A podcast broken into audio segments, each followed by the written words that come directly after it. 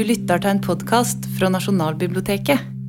Takk til dere for at dere har avbrutt den begynnende julestria med å, å komme hit. Men aller mest takk til deg, Hanne. Jo, tusen takk. Det er jo en glede å være her. Det er ingen steder i verden jeg vil føle meg mer hjemme enn i et bibliotek. Så det, jeg føler jeg har kommet litt hjem igjen. Er dette en travel tid på året for deg? Ja, altså Vanligvis har det jo vært helt ubeskrivelig travelt. For vanligvis ville jo jeg ha vært på turné nå. Men uh, akkurat nå så, så, har jeg faktisk et show på Edderkoppen. Torsdag, fredag, lørdag. Har du vært der, kanskje? Mm. Ja. Uh, så for første gang på 34 år så er jeg ikke på juleturné. Ja. Hadde dette vært en vanlig, en vanlig, jul for meg, så hadde jeg vært på vei over et eller annet speilglatt fjell akkurat nå, tror jeg. Så ja, det, det, har vært så travelt at min datter som er 28 år hun, altså For første gang i sitt liv så ser hun nå moren sin i advent. Ja. Såpass travelt har det vært. Du kan rette julestemninga inn mot eget hjem og ja. ikke ut uh, jeg, har store, jeg har store vyer over hva jeg skal få til i denne jule... Men jeg har jo ingen erfaring.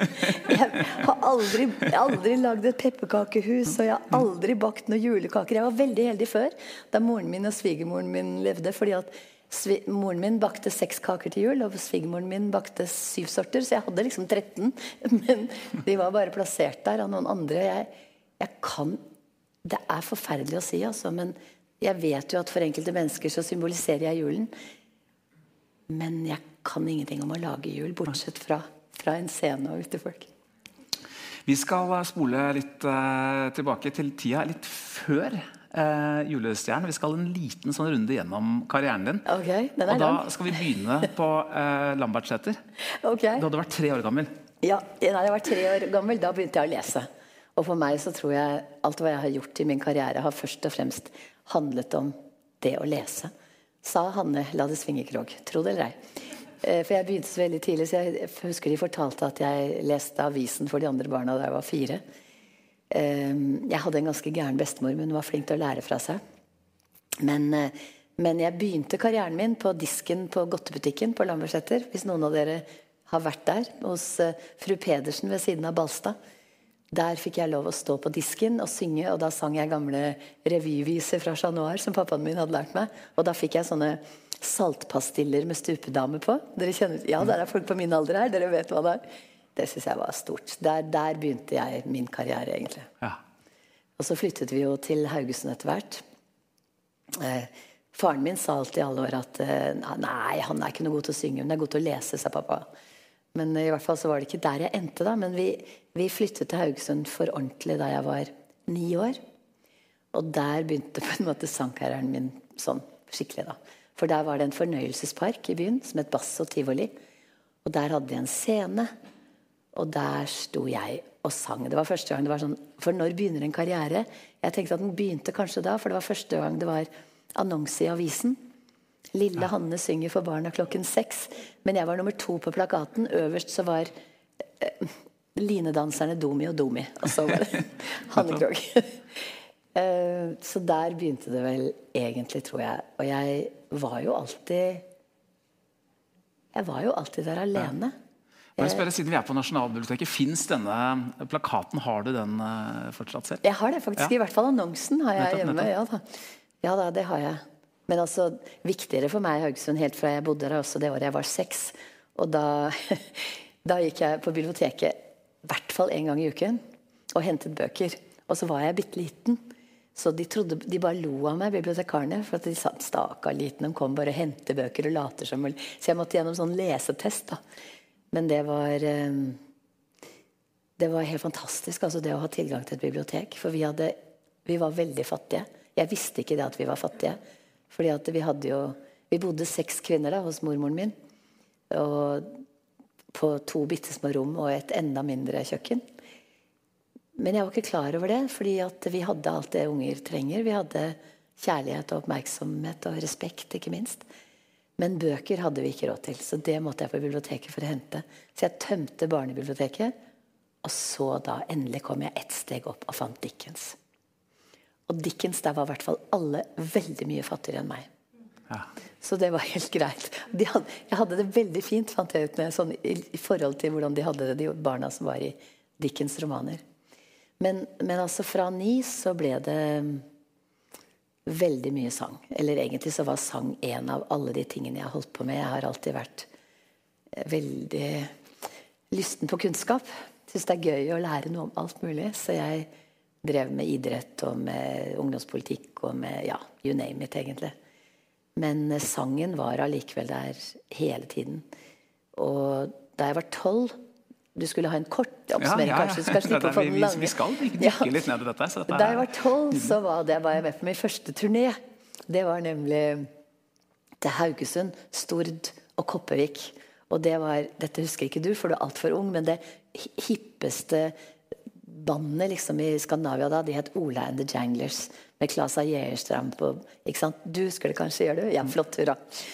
De var bare så kule. Og de var med på samme konserten. Og jeg husker jeg eh, kom inn dit. Det var den første sånn store konserten med lyssetting og i festiviteten som var kulturhuset vårt i Haugesund. Og jeg sang tre sanger fullstendig riktig for en pike på tolv. The End of the World kunne nok kanskje gå an. Og så sang jeg Lady Madonna. Og så sang jeg House of the Rising Sun. og jeg trodde House of the Rising Sun handlet om foreldrene mine. For der er det jo et vers som er My mother was a tailor. She sewed my new blue jeans. My father was a gambling man down in New Orleans. Og faren min var en skikkelig gambler. Han levde jo Da han var ganske ung gutt, så, så levde han jo av å være Oslos verste høsler i biljard. Og gamble sånn ellers på, på Bjerke og sånn. Moren min sydde alle klærne mine. Så jeg trodde det handlet om det. Jeg visste ikke at det handlet om en prostituert som bodde på et bordell i New Orleans. Så. Men, men. Der, der sto jeg i hvert fall og sang og reiste på turné. Og den tiden så var det sånn altså Bare for å si hvor lenge jeg har vært i denne rare bransjen. Da hadde, var det bare en sånn svær kassabil med plass til to foran, og bak var det et stort rom. Uten noen vinduer eller noen ting. Der hadde de lagt inn noen puter, og så var det bare stabla inni der, og så var det turné. Det hadde ikke gått i dag. Det hadde virkelig ikke gått. Og ikke at en tolvåring reiste alene med disse gutta heller. Men, eh, men det gjorde jeg i hvert fall. Og så, da sto det liksom sånn i avisen 'Årets popfunn i Haugesund'. Ja. Årets, ja. Så da var det gjort, på en måte. Og da jeg var 14, da Nå får du hele greia, Ja, altså. vi skal skal ha- vi skal- okay. Jeg er ikke så vant til å snakke så mye om meg selv. Da jeg var 14, da skulle, er det noen av dere som har vært i Haugesund? Eh, Hotell, Hotell Maritim i Haugesund. Da det, ja, du var der. Eh, Da det var nytt, så het det La Mer. Det ble åpnet i 1970. Da var jeg 14 år. Og jeg hadde to oppgaver. Jeg skulle, jeg skulle gi duggfriske roser til alle fruene, for det var bare menn som var invitert med fruer. De var med som sådan. Det har også heldigvis endret seg litt i alle disse årene. Og så skulle jeg synge, og da sang jeg også en sånn helt riktig sang for en 14-åring. You don't have to say you love me, just be close at hand. Men da, faren min, da, som i alle år hadde sagt at nei, han kan egentlig bare lese, han hørte det. Og han var i Oslo for å hente meg og søsteren min, for da var foreldrene mine blitt skilt. Så han skulle hente oss for å ta oss med på ferie i Oslo. Og han var en ganske god selger, så han ringte da til Arne Bendiksen AS, som var navnet på norsk platebransje i 1970. Ja, det er flere bakover her som har kunnskap, ser jeg. Jeg ser sånne nikker her. Eh, og de sa nei, nei, hun må sende inn en demoteip. Men faren min han kunne jo selge sand i Sahara, så han klarte å selge inn at dette er deres dummeste dere gjør, hvis ikke hun får komme. Så det fikk jeg, da. Jeg kom dit, og så var det altså sånn som du ser på film, vet du. Sånn at plutselig så er studio fylt, og Jeg hadde nå aldri noe særlig selvtillit på sang, jeg, men, men ikke sant, når man er 14 år, så er man jo aksen i universet. Det er helt naturlig at ting liksom foregår rundt deg og i forhold til deg. Så jeg eh, fikk synge inn en plate dagen etter. Og det var, altså det, Grand Prix fulgte jo meg i mange år, så det var en eh, oversettelse av årets engelske Grand Prix-bidrag, 'Knock Knock Who's There'. Jeg må bare fortelle det. Og Arne Bendiksen har skrevet en norsk tekst som het 'Lukk opp min dør'. Og pappa sa han var i studio sammen med meg og sa at 'Hanne, der hvor det står 'for', der syns jeg du skal synge med'. Nei, men pappa, det står jo 'for'. Ja, men jenta mi, Hannemor, syng med. Nei da. Prektig-Petra, hun sa jeg synger som det står. Og med min uskyldsrene 14 år gamle stemme så sang jeg Det vil nok gå for meg som det har gått for og, jeg, og jeg skjønte jo aldri hvorfor bandet fikk bare krampelatter. Sånn at Jeg har jo hatt en veldig uskyldig image. Når jeg ser tilbake på det, så tenker jeg kanskje det var helt riktig at jeg hadde litt uskyldig image. Jeg forsto ikke det der. Hvordan var, det, ja, hvordan var det å være 14 år da, i en slags sånn voksen popverden? og bli kasta ut i det? Jeg var veldig vant til å ordne opp selv. Det var jeg. Foreldrene mine ble skilt da jeg var fem-seks år, og det, det var et sånn kaotisk eh, hjemmemiljø. Fordi jeg hadde hatt en bestemor som kanskje noen av dere har hørt meg synge om i 'Ikke gi deg, jente'. Som eh, var veldig spennende, men samtidig ganske intens. Og skapte et ganske intenst kaos. Så jeg pleier å si hvis noen spør om var du lykkelig som liten, så pleier jeg å si at jeg var helt usedvanlig lykkelig. For det var den eneste rollen som var ledig.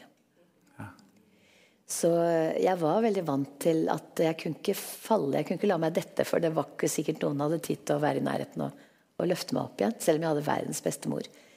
Men hun var jo veldig travelt. Tenk å være fraskilt kvinne på begynnelsen av 60-tallet. Det var ikke så mange av dem i Haugesund, skal jeg love dere. For vi flyttet jo hjem da foreldrene mine ble skilt. Jeg har aldri snakket Haugesund, jeg jeg ikke gått fra dialekten min. Det var bare at jeg ble født i Oslo, og så tror jeg at jeg hadde på en måte Faren min var veldig Oslo-gutt, da. Med sånn selvtillit, vet dere, herfra til himmelen, som de kan Dere vet de skikkelig Oslo-guttene. Men eh, jeg tror jeg hadde klippet båndet til han hvis jeg hadde skiftet dialekt, for det var det vi hadde felles, på en måte. Så i alle fall. Vi kom nå dit. Hvor var jeg i historien? Jo, 14 år. Jeg, jeg vet ikke. Jeg var veldig vant til å ordne opp, og jeg som sagt drev med veldig mye. Jeg var jo liksom leder for skoleavisa og formann i elever altså, Ikke sant? Sånne ting. Så jeg var aldri jeg stilte aldri noe spørsmål, egentlig. Jeg husker jeg ble spurt i et eh, intervju en gang. Det var sammen med Jan Thomas. Hva er det som, er, det som er fellesnevneren mellom dere to? Jeg skjønner jo godt at folk spør om det. Altså. Det er ikke så lett å se. Men jeg tror et av, et av fellespunktene mellom oss var at vi drømte aldri om hva vi skulle gjøre. Vi bare gjorde. Ja. Og det var også, jeg, jeg satte ikke noe spørsmålstegn, jeg bare gjorde. Men jeg var jo veldig glad for at da jeg neste gang skulle synge en sang, så hadde Arne Bendiksen skrevet en sang til meg. For han var invitert til å delta i Grand Prix det året. Og i den tiden da, så var du med i Grand Prix. Da så jo alle på. Det var én kanal. Jeg må jo se at det er unge mennesker her. Det var én kanal på TV. For på enda bedre vis fortelle dere hvor lenge siden dette er. Da jeg spilte inn den første singelen min i 1970, da sto det i alle norske aviser at tenk Arne Bendiksens studio hadde fått åttespors opptaker. Ja. Altså Det er ingen gutter på gutterommet som sitter med musikken sin, som vet at det går an å lage musikk med åtte spor. De har minst 48 alle sammen. Så det er jo så uendelig lenge siden. Ja. Interessant at det ble en nyhetssak at han hadde fått det. Også, Ja, det var liksom Alle avisene skrev om det. Åttesporsstudio. Beatles spilte inn sitt på firespors, vet du. Guri meg. Ja, nei, men nå går vi langt ut på viddene. Eh, så han skrev da en sang til meg til Grand Prix som het 'Lykken er'. Og jeg vant. Og reiste til Dublin med parasoll i bagasjen og eide verden, egentlig. Men nå i dag Jeg vet ikke hvor store delegasjoner det er fra Norge. Det er i hvert fall 50-60 stykker som reiser sånn helt til sammen. Den gangen reiste vi fire stykker. Det var den gangens den tidens kommentator, Sverre Kristoffersen. Så var det Arne Bendiksen, som både var komponist og skulle dirigere selv for første gang. Han satt i, i flyet over og, og øvde, husker jeg. Han satt like foran meg. Og så var det moren min, og så var det meg. Det var vi som reiste til. Dublin. Ikke noe background vocalists og ikke noe dansere og ingenting. Bare meg og parasollen, som jeg tror de ga meg, for de tenkte kanskje hun blir nervøs med han og holde hendene sine. Jeg tror det handlet om det. Men tenk dere å komme til den fantastiske byen Dublin.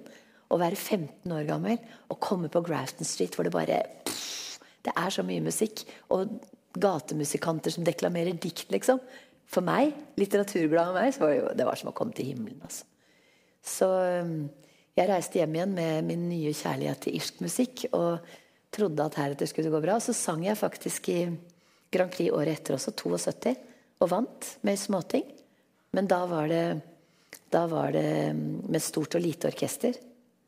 Og jeg ble altså så lei meg da ingen sa gratulerer til meg etterpå. Det var Benny og Grete da som høyst naturlig og velfortjent reiste. Men jeg tenkte jeg gikk jo ikke mer enn i 9. klasse ennå. Og ingen sa gratulerer. Og da tenkte jeg at nei, jeg tror ikke jeg vil være i denne bransjen her. Jeg, jeg tror ikke det. så, så gjorde jeg en sang til. En oversettelse av en finsk Grand Prix-sang. Og det eneste som var verre enn finske Grand Prix-bidrag på den tiden der, det var finsk fjernsynsteater. den var helt forferdelig. Tom, tom, trom, tom, tom, hør på musikken. Og jeg tenkte tom, tom, tom. Det er akkurat hva dette handler om. Jeg vil ikke spille inn flere plater. Og plateselskapet mitt sa at men nå skulle vi jo lansere deg i Sverige og Tyskland og greier, så sa jeg glem det. Da ble jeg altså så intellektuelt snobbete i noen år at dere vil ikke tro det. Så jeg sa nei, jeg vil ikke spille inn flere plater, og sluttet helt. Ja. Men Du, du takket ja til uh, Torbjørn Egner. Ja, nemlig.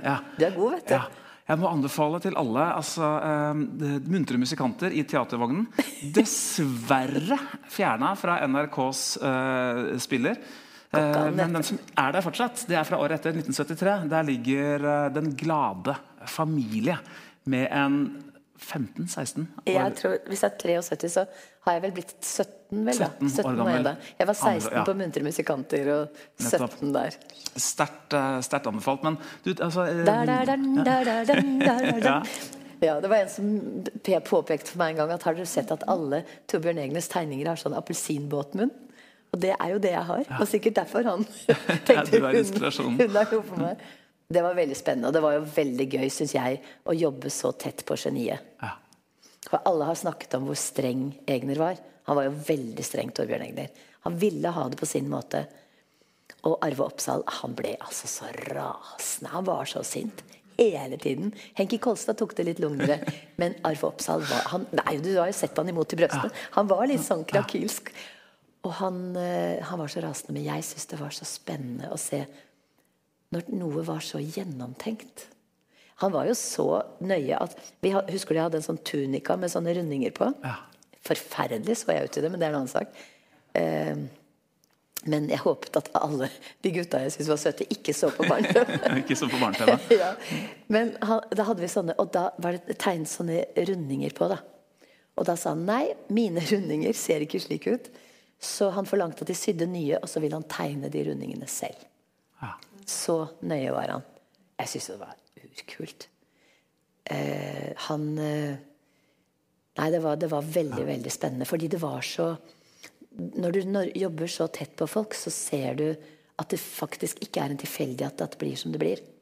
Og det er jo akkurat hans karikerte form som gjør han til han.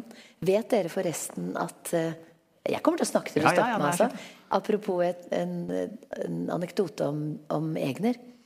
Fordi mange, mange år senere så Ja. Edvard Moseid i Dyreparken i Kristiansand. Han eh, var veldig opptatt av å få, få kontakt med Torbjørn Egner. For han hadde en drøm om å lage Kardemommeby. Men det var veldig vanskelig å komme i kontakt med han. Han sa liksom nei til alle sånne ideer. Og så tenkte jeg jeg kjenner jo Egner, og jeg kjente Edvard Moseid da veldig godt, for jeg var med å lage disse Nå går jeg litt fortere fram, men ja. Eh, så, så jeg ringte til Torbjørn Egner og sa at hvis du noensinne skal eh, snakke med noen om det, så foreslår jeg at du snakker med Edvard Moseid, som jo lagde Dyreparken. En stor kunstner. Eh, og det gjorde han. Og så jeg føler jeg eier liksom en sånn bitte liten murstein i Kardemommeby. Den er litt min. Litt sånn i inngangsporten, kanskje. Taket på Tobias uh, Ja, kanskje. Nei, det blir for mye. Nei, det blir for mye. Men i hvert fall mange år senere så skulle de åpne De hadde noe som heter Fredslys. Det er som de har lagd Som står akkurat ved Kardemommeby. For det er, en, det, det er liksom Det brenner i vann. At det umulige er mulig. Det er sånn. Og da fortalte han meg at da han lagde sine lesebøker For da jeg gikk på skolen, så hadde vi Torbjørn Egners lesebøker.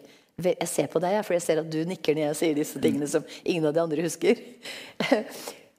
Og da sa han, da var det en, et krav at man skulle ha en bønn i disse lesebøkene. Og da tenkte ateisten Torbjørn Egner at da skal jeg skrive den bønnen selv. Og skrev en bønn som dere alle kan, det er jeg sikker på, men som dere kanskje ikke vet heter FN-bønn. For det het den. Jeg folder mine hender små i takk og bønn til deg. La alle barn i verden få det like godt som jeg. Og da blir den helt annerledes. Eh, så da jeg var med å initiere dette med at barna skulle si at Redd Barna står bak det, men jeg var ambassadør der og hadde den ideen til at de skulle si takk til årets fredsprisvinner, så ville jeg veldig gjerne i begynnelsen bruke den. For jeg syns det er så godt å ta utgangspunkt i barns egen, egen kultur. Og ikke bare putte dem inn i liksom, musikk som er skrevet i bakgaten i Bronx, på en måte. Men det er, det er viktig å videreføre vår egen, vår egen eh, store litteraturskatt. Da. Men det var vanskelig. Det var, de syntes det var altfor kristent. Men, ja, det var i hvert fall, men det var i hvert fall en ateist som hadde skrevet dette.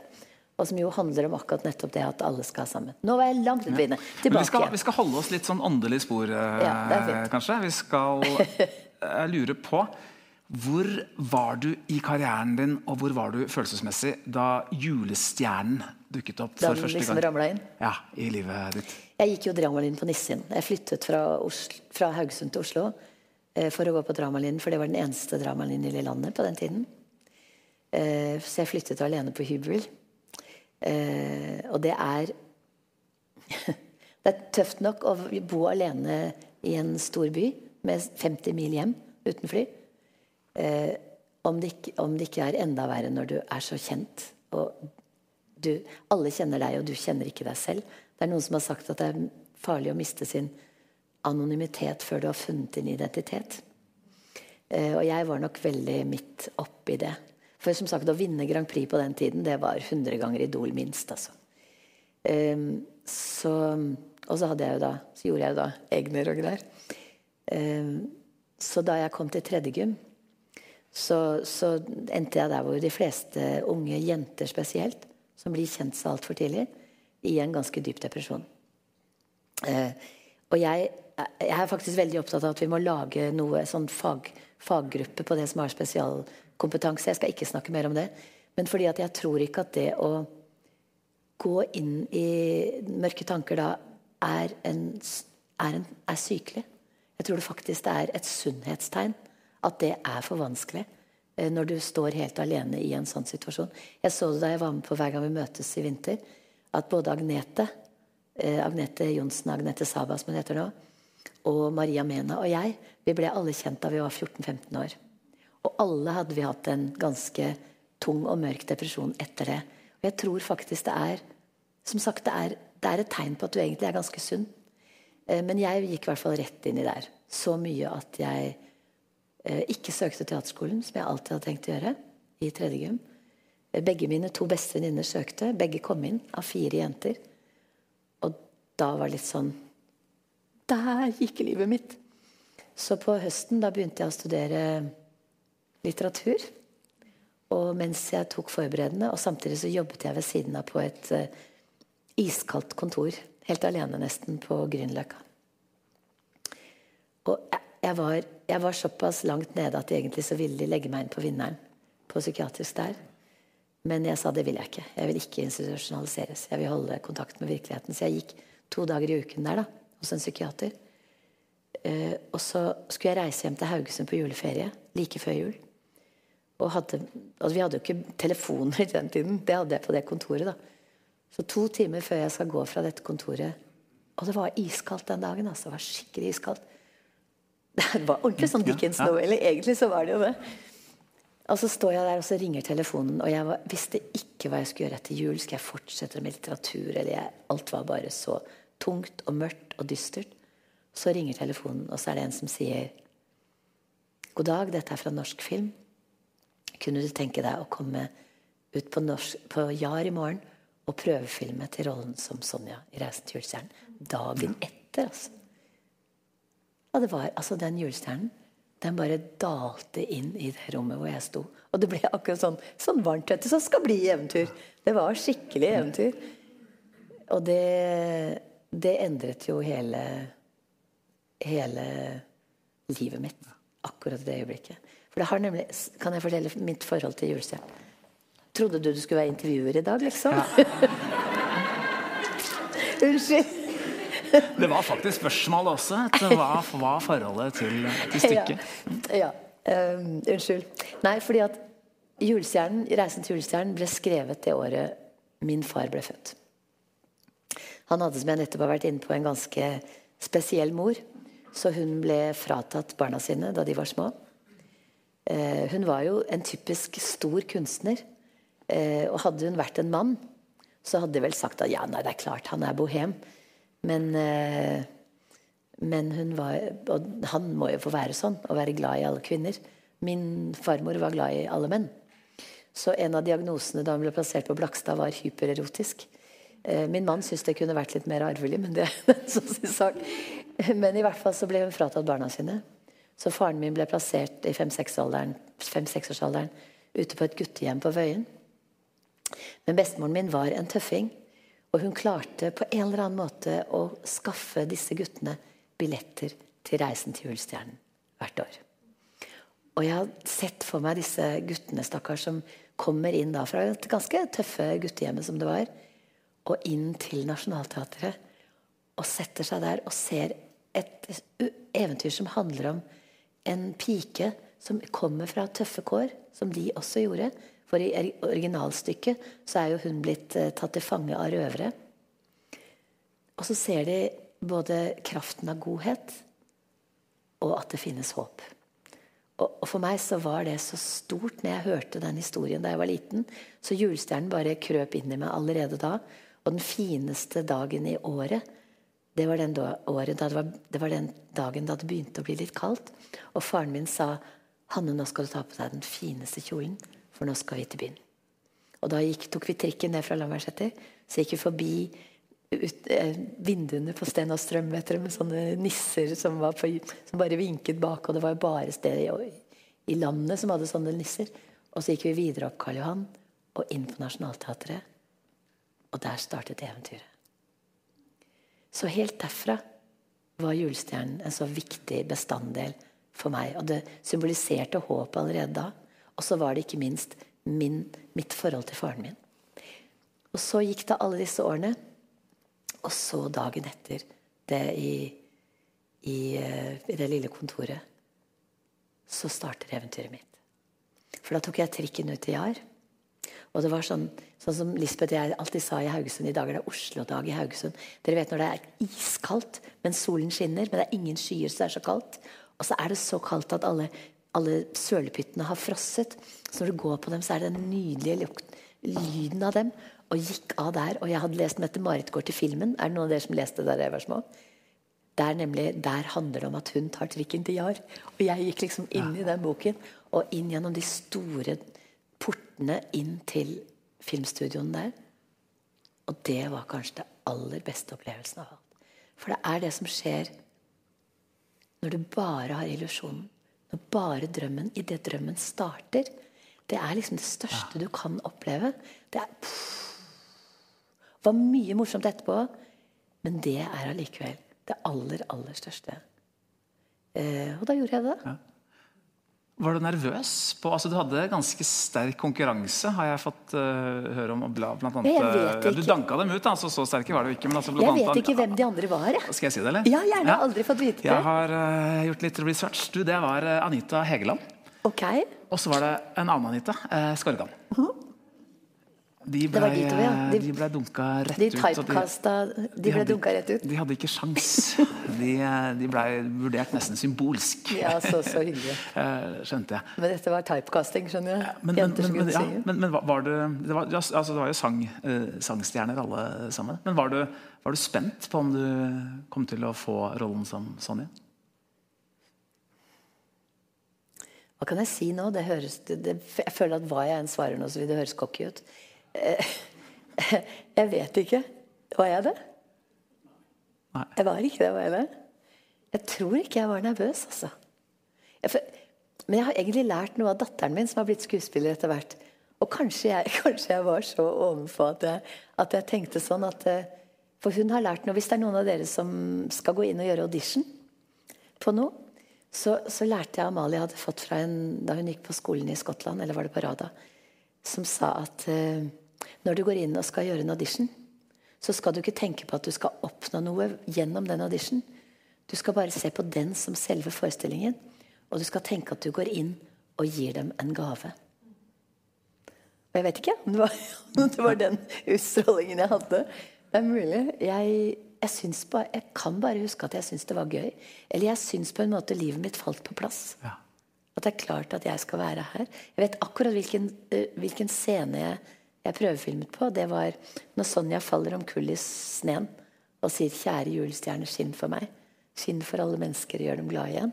Akkurat den scenen som jo er vendepunktet i filmen også. Det var, det var Men det, det, som, det er jo en innmari vanskelig rolle å spille. Fordi, eh, fordi at hun eh, Det er veldig vanskelig å gi dimensjon til noen som er bare snille. Og jeg husker Ola Solum, regissøren, sa til meg at Hanne, jeg, jeg vet ikke om jeg helt tror på henne. Hun er liksom for god til å være sann. Så du må bare finne henne til meg. Det var en utrolig tillit, men samtidig veldig veldig skummelt. Eh, men jeg tror på det å Jeg tror det er veldig viktig i Julestjernen at Sonja um, utstråler ærlighet og og godhet. Og hvis ikke Sonja virker som om hun at hun grunnleggende er god, så faller hele stykket sammen. Det er litt som jeg syns det er litt rart når de i West Side Story eksempel, lager en Maria som skal være røff og tøff. For dere kjenner selvfølgelig historien i West Side Story. Og når hun ikke har den renheten, den lysende renheten, så faller resten av stykket sammen. Fordi at det, det, eneste som kan gi alle de andre som er på ville veier, et håp om noe som kan bli bedre, er at de har sett den renheten. Og det gjelder jo også Sonja. Men det er fryktelig vanskelig å spille det. Ja, Hvordan finner man denne renheten? Det, henter du liksom fram det reneste i deg selv? Hvordan, eh, hva slags teknikker krever en sånn rolle av en skuespiller? Ja, altså Jeg hadde jo en av de beste, sannsynligvis, sannsynligvis en av de beste regissørene som Norge har hatt. Det var forferdelig leit at han forlot oss så altfor tidlig, Ola Solum. Bare noen og 50 år. Eh, så han, han, skapte jo en sånn trygghet rundt seg. Og det samme med, med sjefsfotografen, som også Nå fikk jeg helt sånn navneafasi. Hans Nord. Hans Nord. Jeg ble, jeg ble, bedt om å komme i var det 70- eller 75-årsdagen hans og synge, faktisk. Hans Nord. Ja, du var der også. Hans Nord han også hadde en sånn utrolig varm aura rundt seg. Og det er jo trygghet som er det viktigste for å tørre å, å ta ting bort. For det er jo det som er med en sånn rolle, at du kan ikke legge noe til. Det er lettere å spille karikert og sint og gal og heks og sånn. Men her må du bare ta bort og ta bort og ta bort. Så det bare det, liksom, det reneste uttrykket står igjen, da. Og det, Folk tror jo at det som ser lett ut, er lett, men det er kanskje det vanskeligste av alt. Eh, så jeg vet jo ikke om jeg fikk det til, men nå har den jo eksistert i 45 år, så et eller annet så klarte vi vel sammen å, å skape. Og så var det jo det var jo de beste skuespillerne som vi hadde i landet. Det var jo bare førsterekka hele veien. Jeg kan du si litt om Hvordan var det å stå der da, side om side med Heide Steen jr. og Rolf Just Nilsen? Ikke minst Rolf Just Nilsen. Altså For en kunstner. Hadde han vært engelskspråklig, så hadde han vært verdensstjerne. Han, han var så stor kunstner. Men det var, det var liksom på alle, alle, feltene så var det jo de skikkelig ordentlig bra De som hadde skuespill som fag. Jeg følte meg jo veldig sånn at jeg nesten trengte meg inn på andres enemerker. For jeg var jo ikke utdannet skuespiller bortsett fra tre år på dramalinjen. liksom. Og følte at å, jeg skulle ønske jeg hadde hatt mer fag å ty til. Men kanskje det da hadde blitt mer spilt. Kanskje det ikke hadde blitt så bra. Men, eh, Eller hvis det ble bra. Men eh, det, jo, det, er jo en, først og fremst en veldig trygghet. Eh, og det største problemet vi hadde med julestjernen, var jo at det ikke var sne. Mm. Det var ikke sne i Norge. Og jeg husker Ola han falt på kne og ba om tilgivelse til Johan Halvorsen at eh, vi ikke brukte bare hans musikk. Unnskyld, Johan Halvorsen! Fordi på, på, på teatret så er, ba, så er, det bare Johan Halvorsens fantastiske musikk. Men på på filmen så måtte det jo også en annen type eh, sanger og musikk til. Så, så grunnen til at de ikke spiller Sonja sang til julestjernen som man kjenner fra filmen, på teatret, det er fordi at den er skrevet av Egelmann Iversen til filmen. Og selvfølgelig all annen musikk rundt. Presanger, presanger, presanger Alle disse. Vi er gjøglere av fag. Det vi gjør, er litt aparte. Det ble kakka med det, ja, det ja, sånn disse. Dette her er jo Egelmann Iversen på sitt beste, syns jeg. Men, eh, men, det var ikke snø. Vi fant ikke snø. Og vi reiste landet rundt for å finne snø. Eh, og det så. Men det var kaldt, var det. Iskaldt. Og jeg husker vi skulle ta den scenen hvor Sonja da bakser seg gjennom sne og storm og alt, og klart å bli kvitt greven, ikke sant, og, og virkelig og går på truger. Ja, det skal dere se på altså, neste gang. Når jeg går gjennom sneen der. For det var ganske råtten snø. Så jeg har truger, så jeg går sånn som dette gjennom skogen. Det var ikke mulig å gå ordentlig. altså det bare, jeg bare går sånn. Det er en annen ganske søt ting òg, forresten.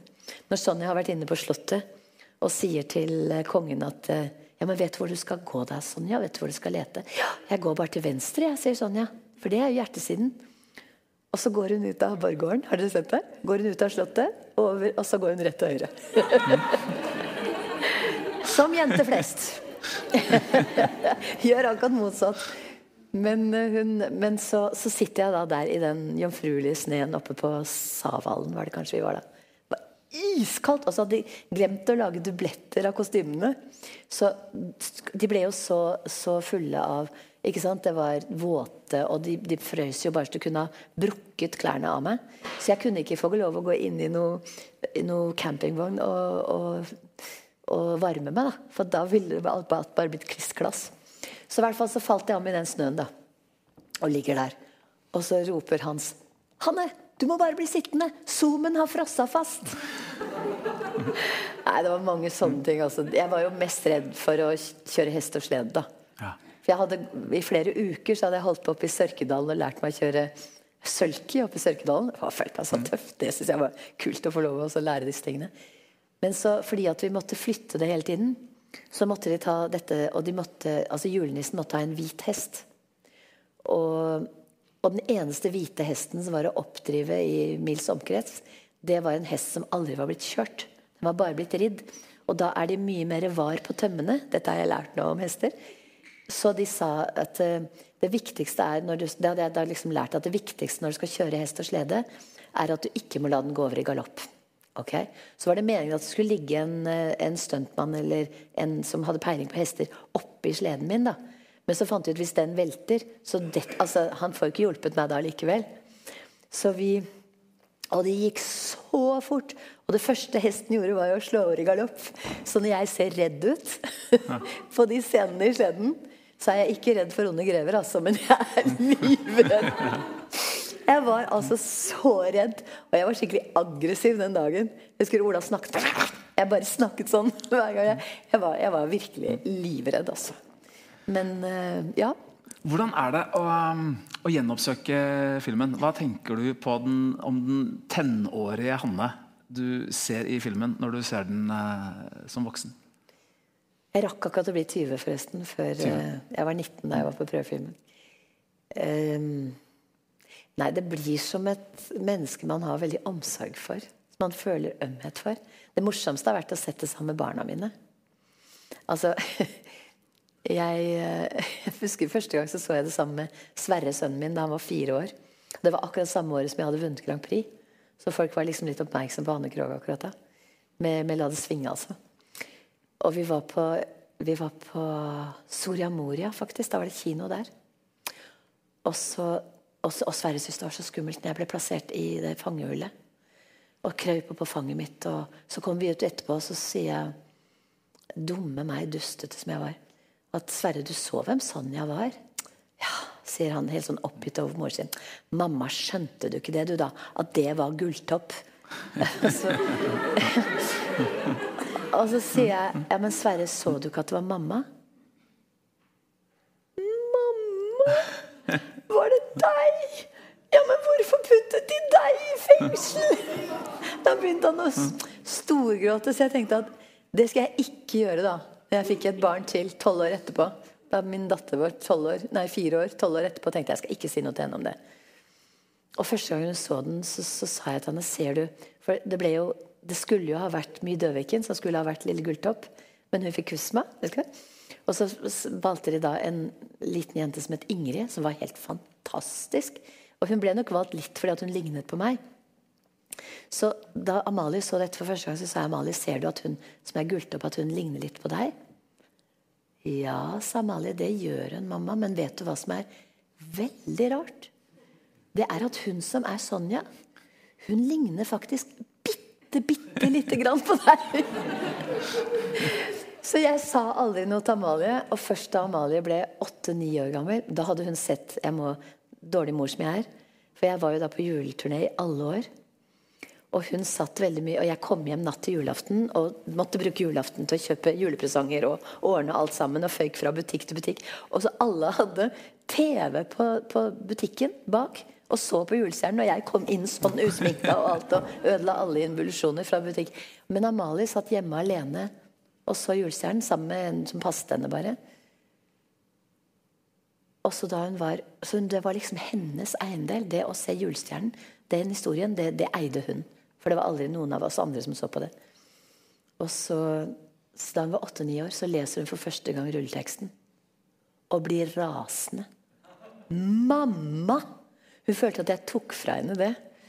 Så grunnen til at hun gikk på audition da de skulle sette opp 'Reisen til julestjernen' på Folketeatret nå, etter å ha tatt en fantastisk skuespillerutdannelse i, og egentlig altså en spesialkompetanse i Shakespeare Men hun så det skulle være audition på Sonja, så sa hun nå skal jeg søren meg ta henne tilbake. så nå er det altså henne, da. Slekt skal følge slekters gang. Først var det faren min, så var det meg. Og nå er det altså Amalie som flere ganger i uken går fram for 1400 barn og viser dem kraften av godhet. Og det, det er Det er så stort. For da jeg hadde fått den rollen, husker jeg så godt De første 14 dagene så var jeg superglad. Og så etter 14 dager så tenkte jeg Er dette egentlig noe kult? Sonja hun er jo bare snill, hun. Er det noe stilig, liksom? For jeg var fremdeles så ung at jeg forvekslet vennlighet med veikhet. Men nå som voksen så ser jeg jo at hun er en helt utrolig fin rollemodell. For når alle rundt henne sier at eh, Sonja, dette kan du ikke, dette kan ikke du gjøre, så sier hun jo da. Det er bare at det er jeg som må gjøre det. Og så går hun ut i mørket og trosser vind og mørke da, og storm og onde grever og alt som er, og finner stjernen. Av kraft og mot og besluttsomhet men først og fremst pga. godhet.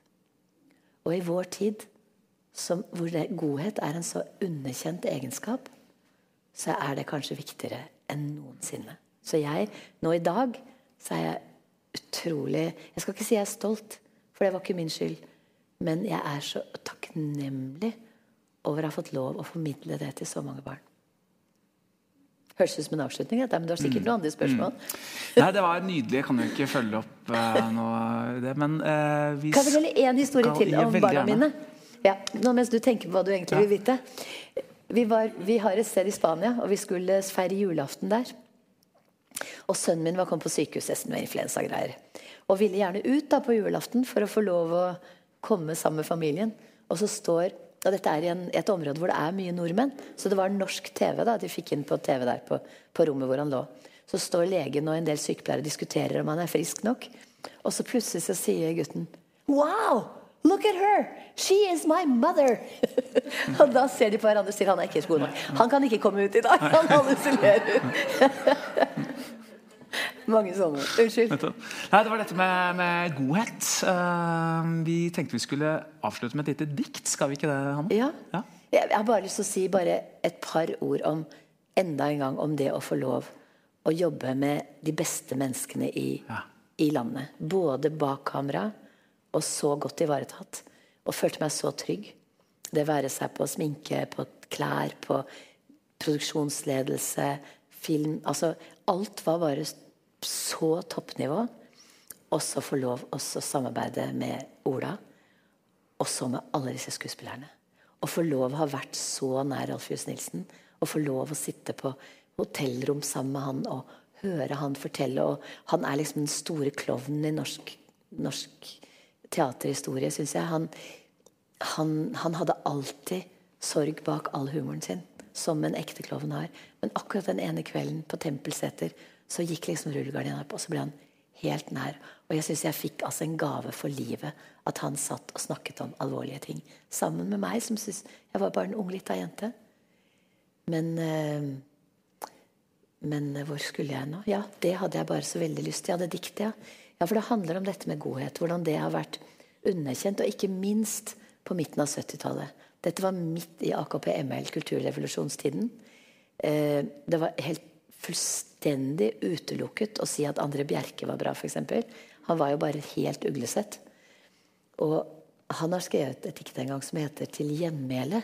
At han ble jo Han ble jo Ja. Eh, snakket litt ned, da. Fordi at han, han våget å liksom påstå at det var noe som var godhet. Og det begynner sånn eh, Bebreider du meg at jeg vier mitt dikt tilværelsens lysere sider? Ja, det er vel en lyrikers blåsure plikt å meddele folk at han lider. Og så går det videre i det diktet, og så sier han mot slutten og det vil jeg skal høre på. Min venn, jeg har diktet om gleden av savn. Og tilgi den glade skribenten at smerten, den nevnte han aldri ved navn. Fordi han bestandig har kjent den. For smerten, den lever på alles munn. I lyset så alle kan se den. Men først på tilværelsens stillehavsbunn vil sinnet bli dypt nok for gleden. Jeg vil at vi usle menneskekryp skal ane en sannhet sporadisk at gleden og gleden alene er dyp, mens smerten er overfladisk. Og jeg kan bare si tusen takk til André Bjerke som har klart å oppsummere det. For én ting har jeg lært. Jeg begynner jo å bli såpass voksen at jeg kan nesten snakke om at man har lært noe gjennom et langt liv. Og jeg har lært én ting, og det er hvor viktig det er å ta imot glede. At det er kanskje den plikten vi har hver gang den viser seg i kraft av småting. Grand Prix, eller om det er å få lov å spise en iskrem på søndagskvelden. Men ta imot gleden og fyll på. For bare gjennom å fylle oss med glede, så har vi styrke til å møte det alvoret som en dag kommer til oss alle. Hanne Krag, tusen, tusen takk skal du ha. Unnskyld at jeg bare snakker. det er en drømme, drømmeintervju. Og takk til dere. Tusen takk.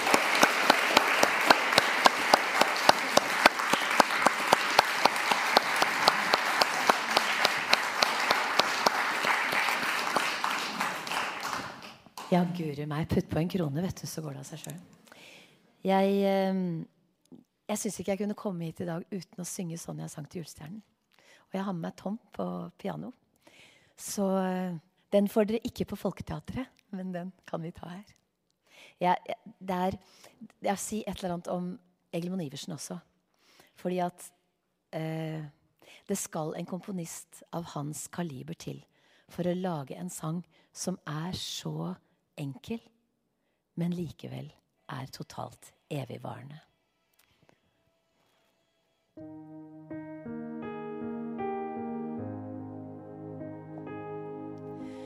Julestjerne, får jeg deg, sa en gang en liten pike ville gi et kong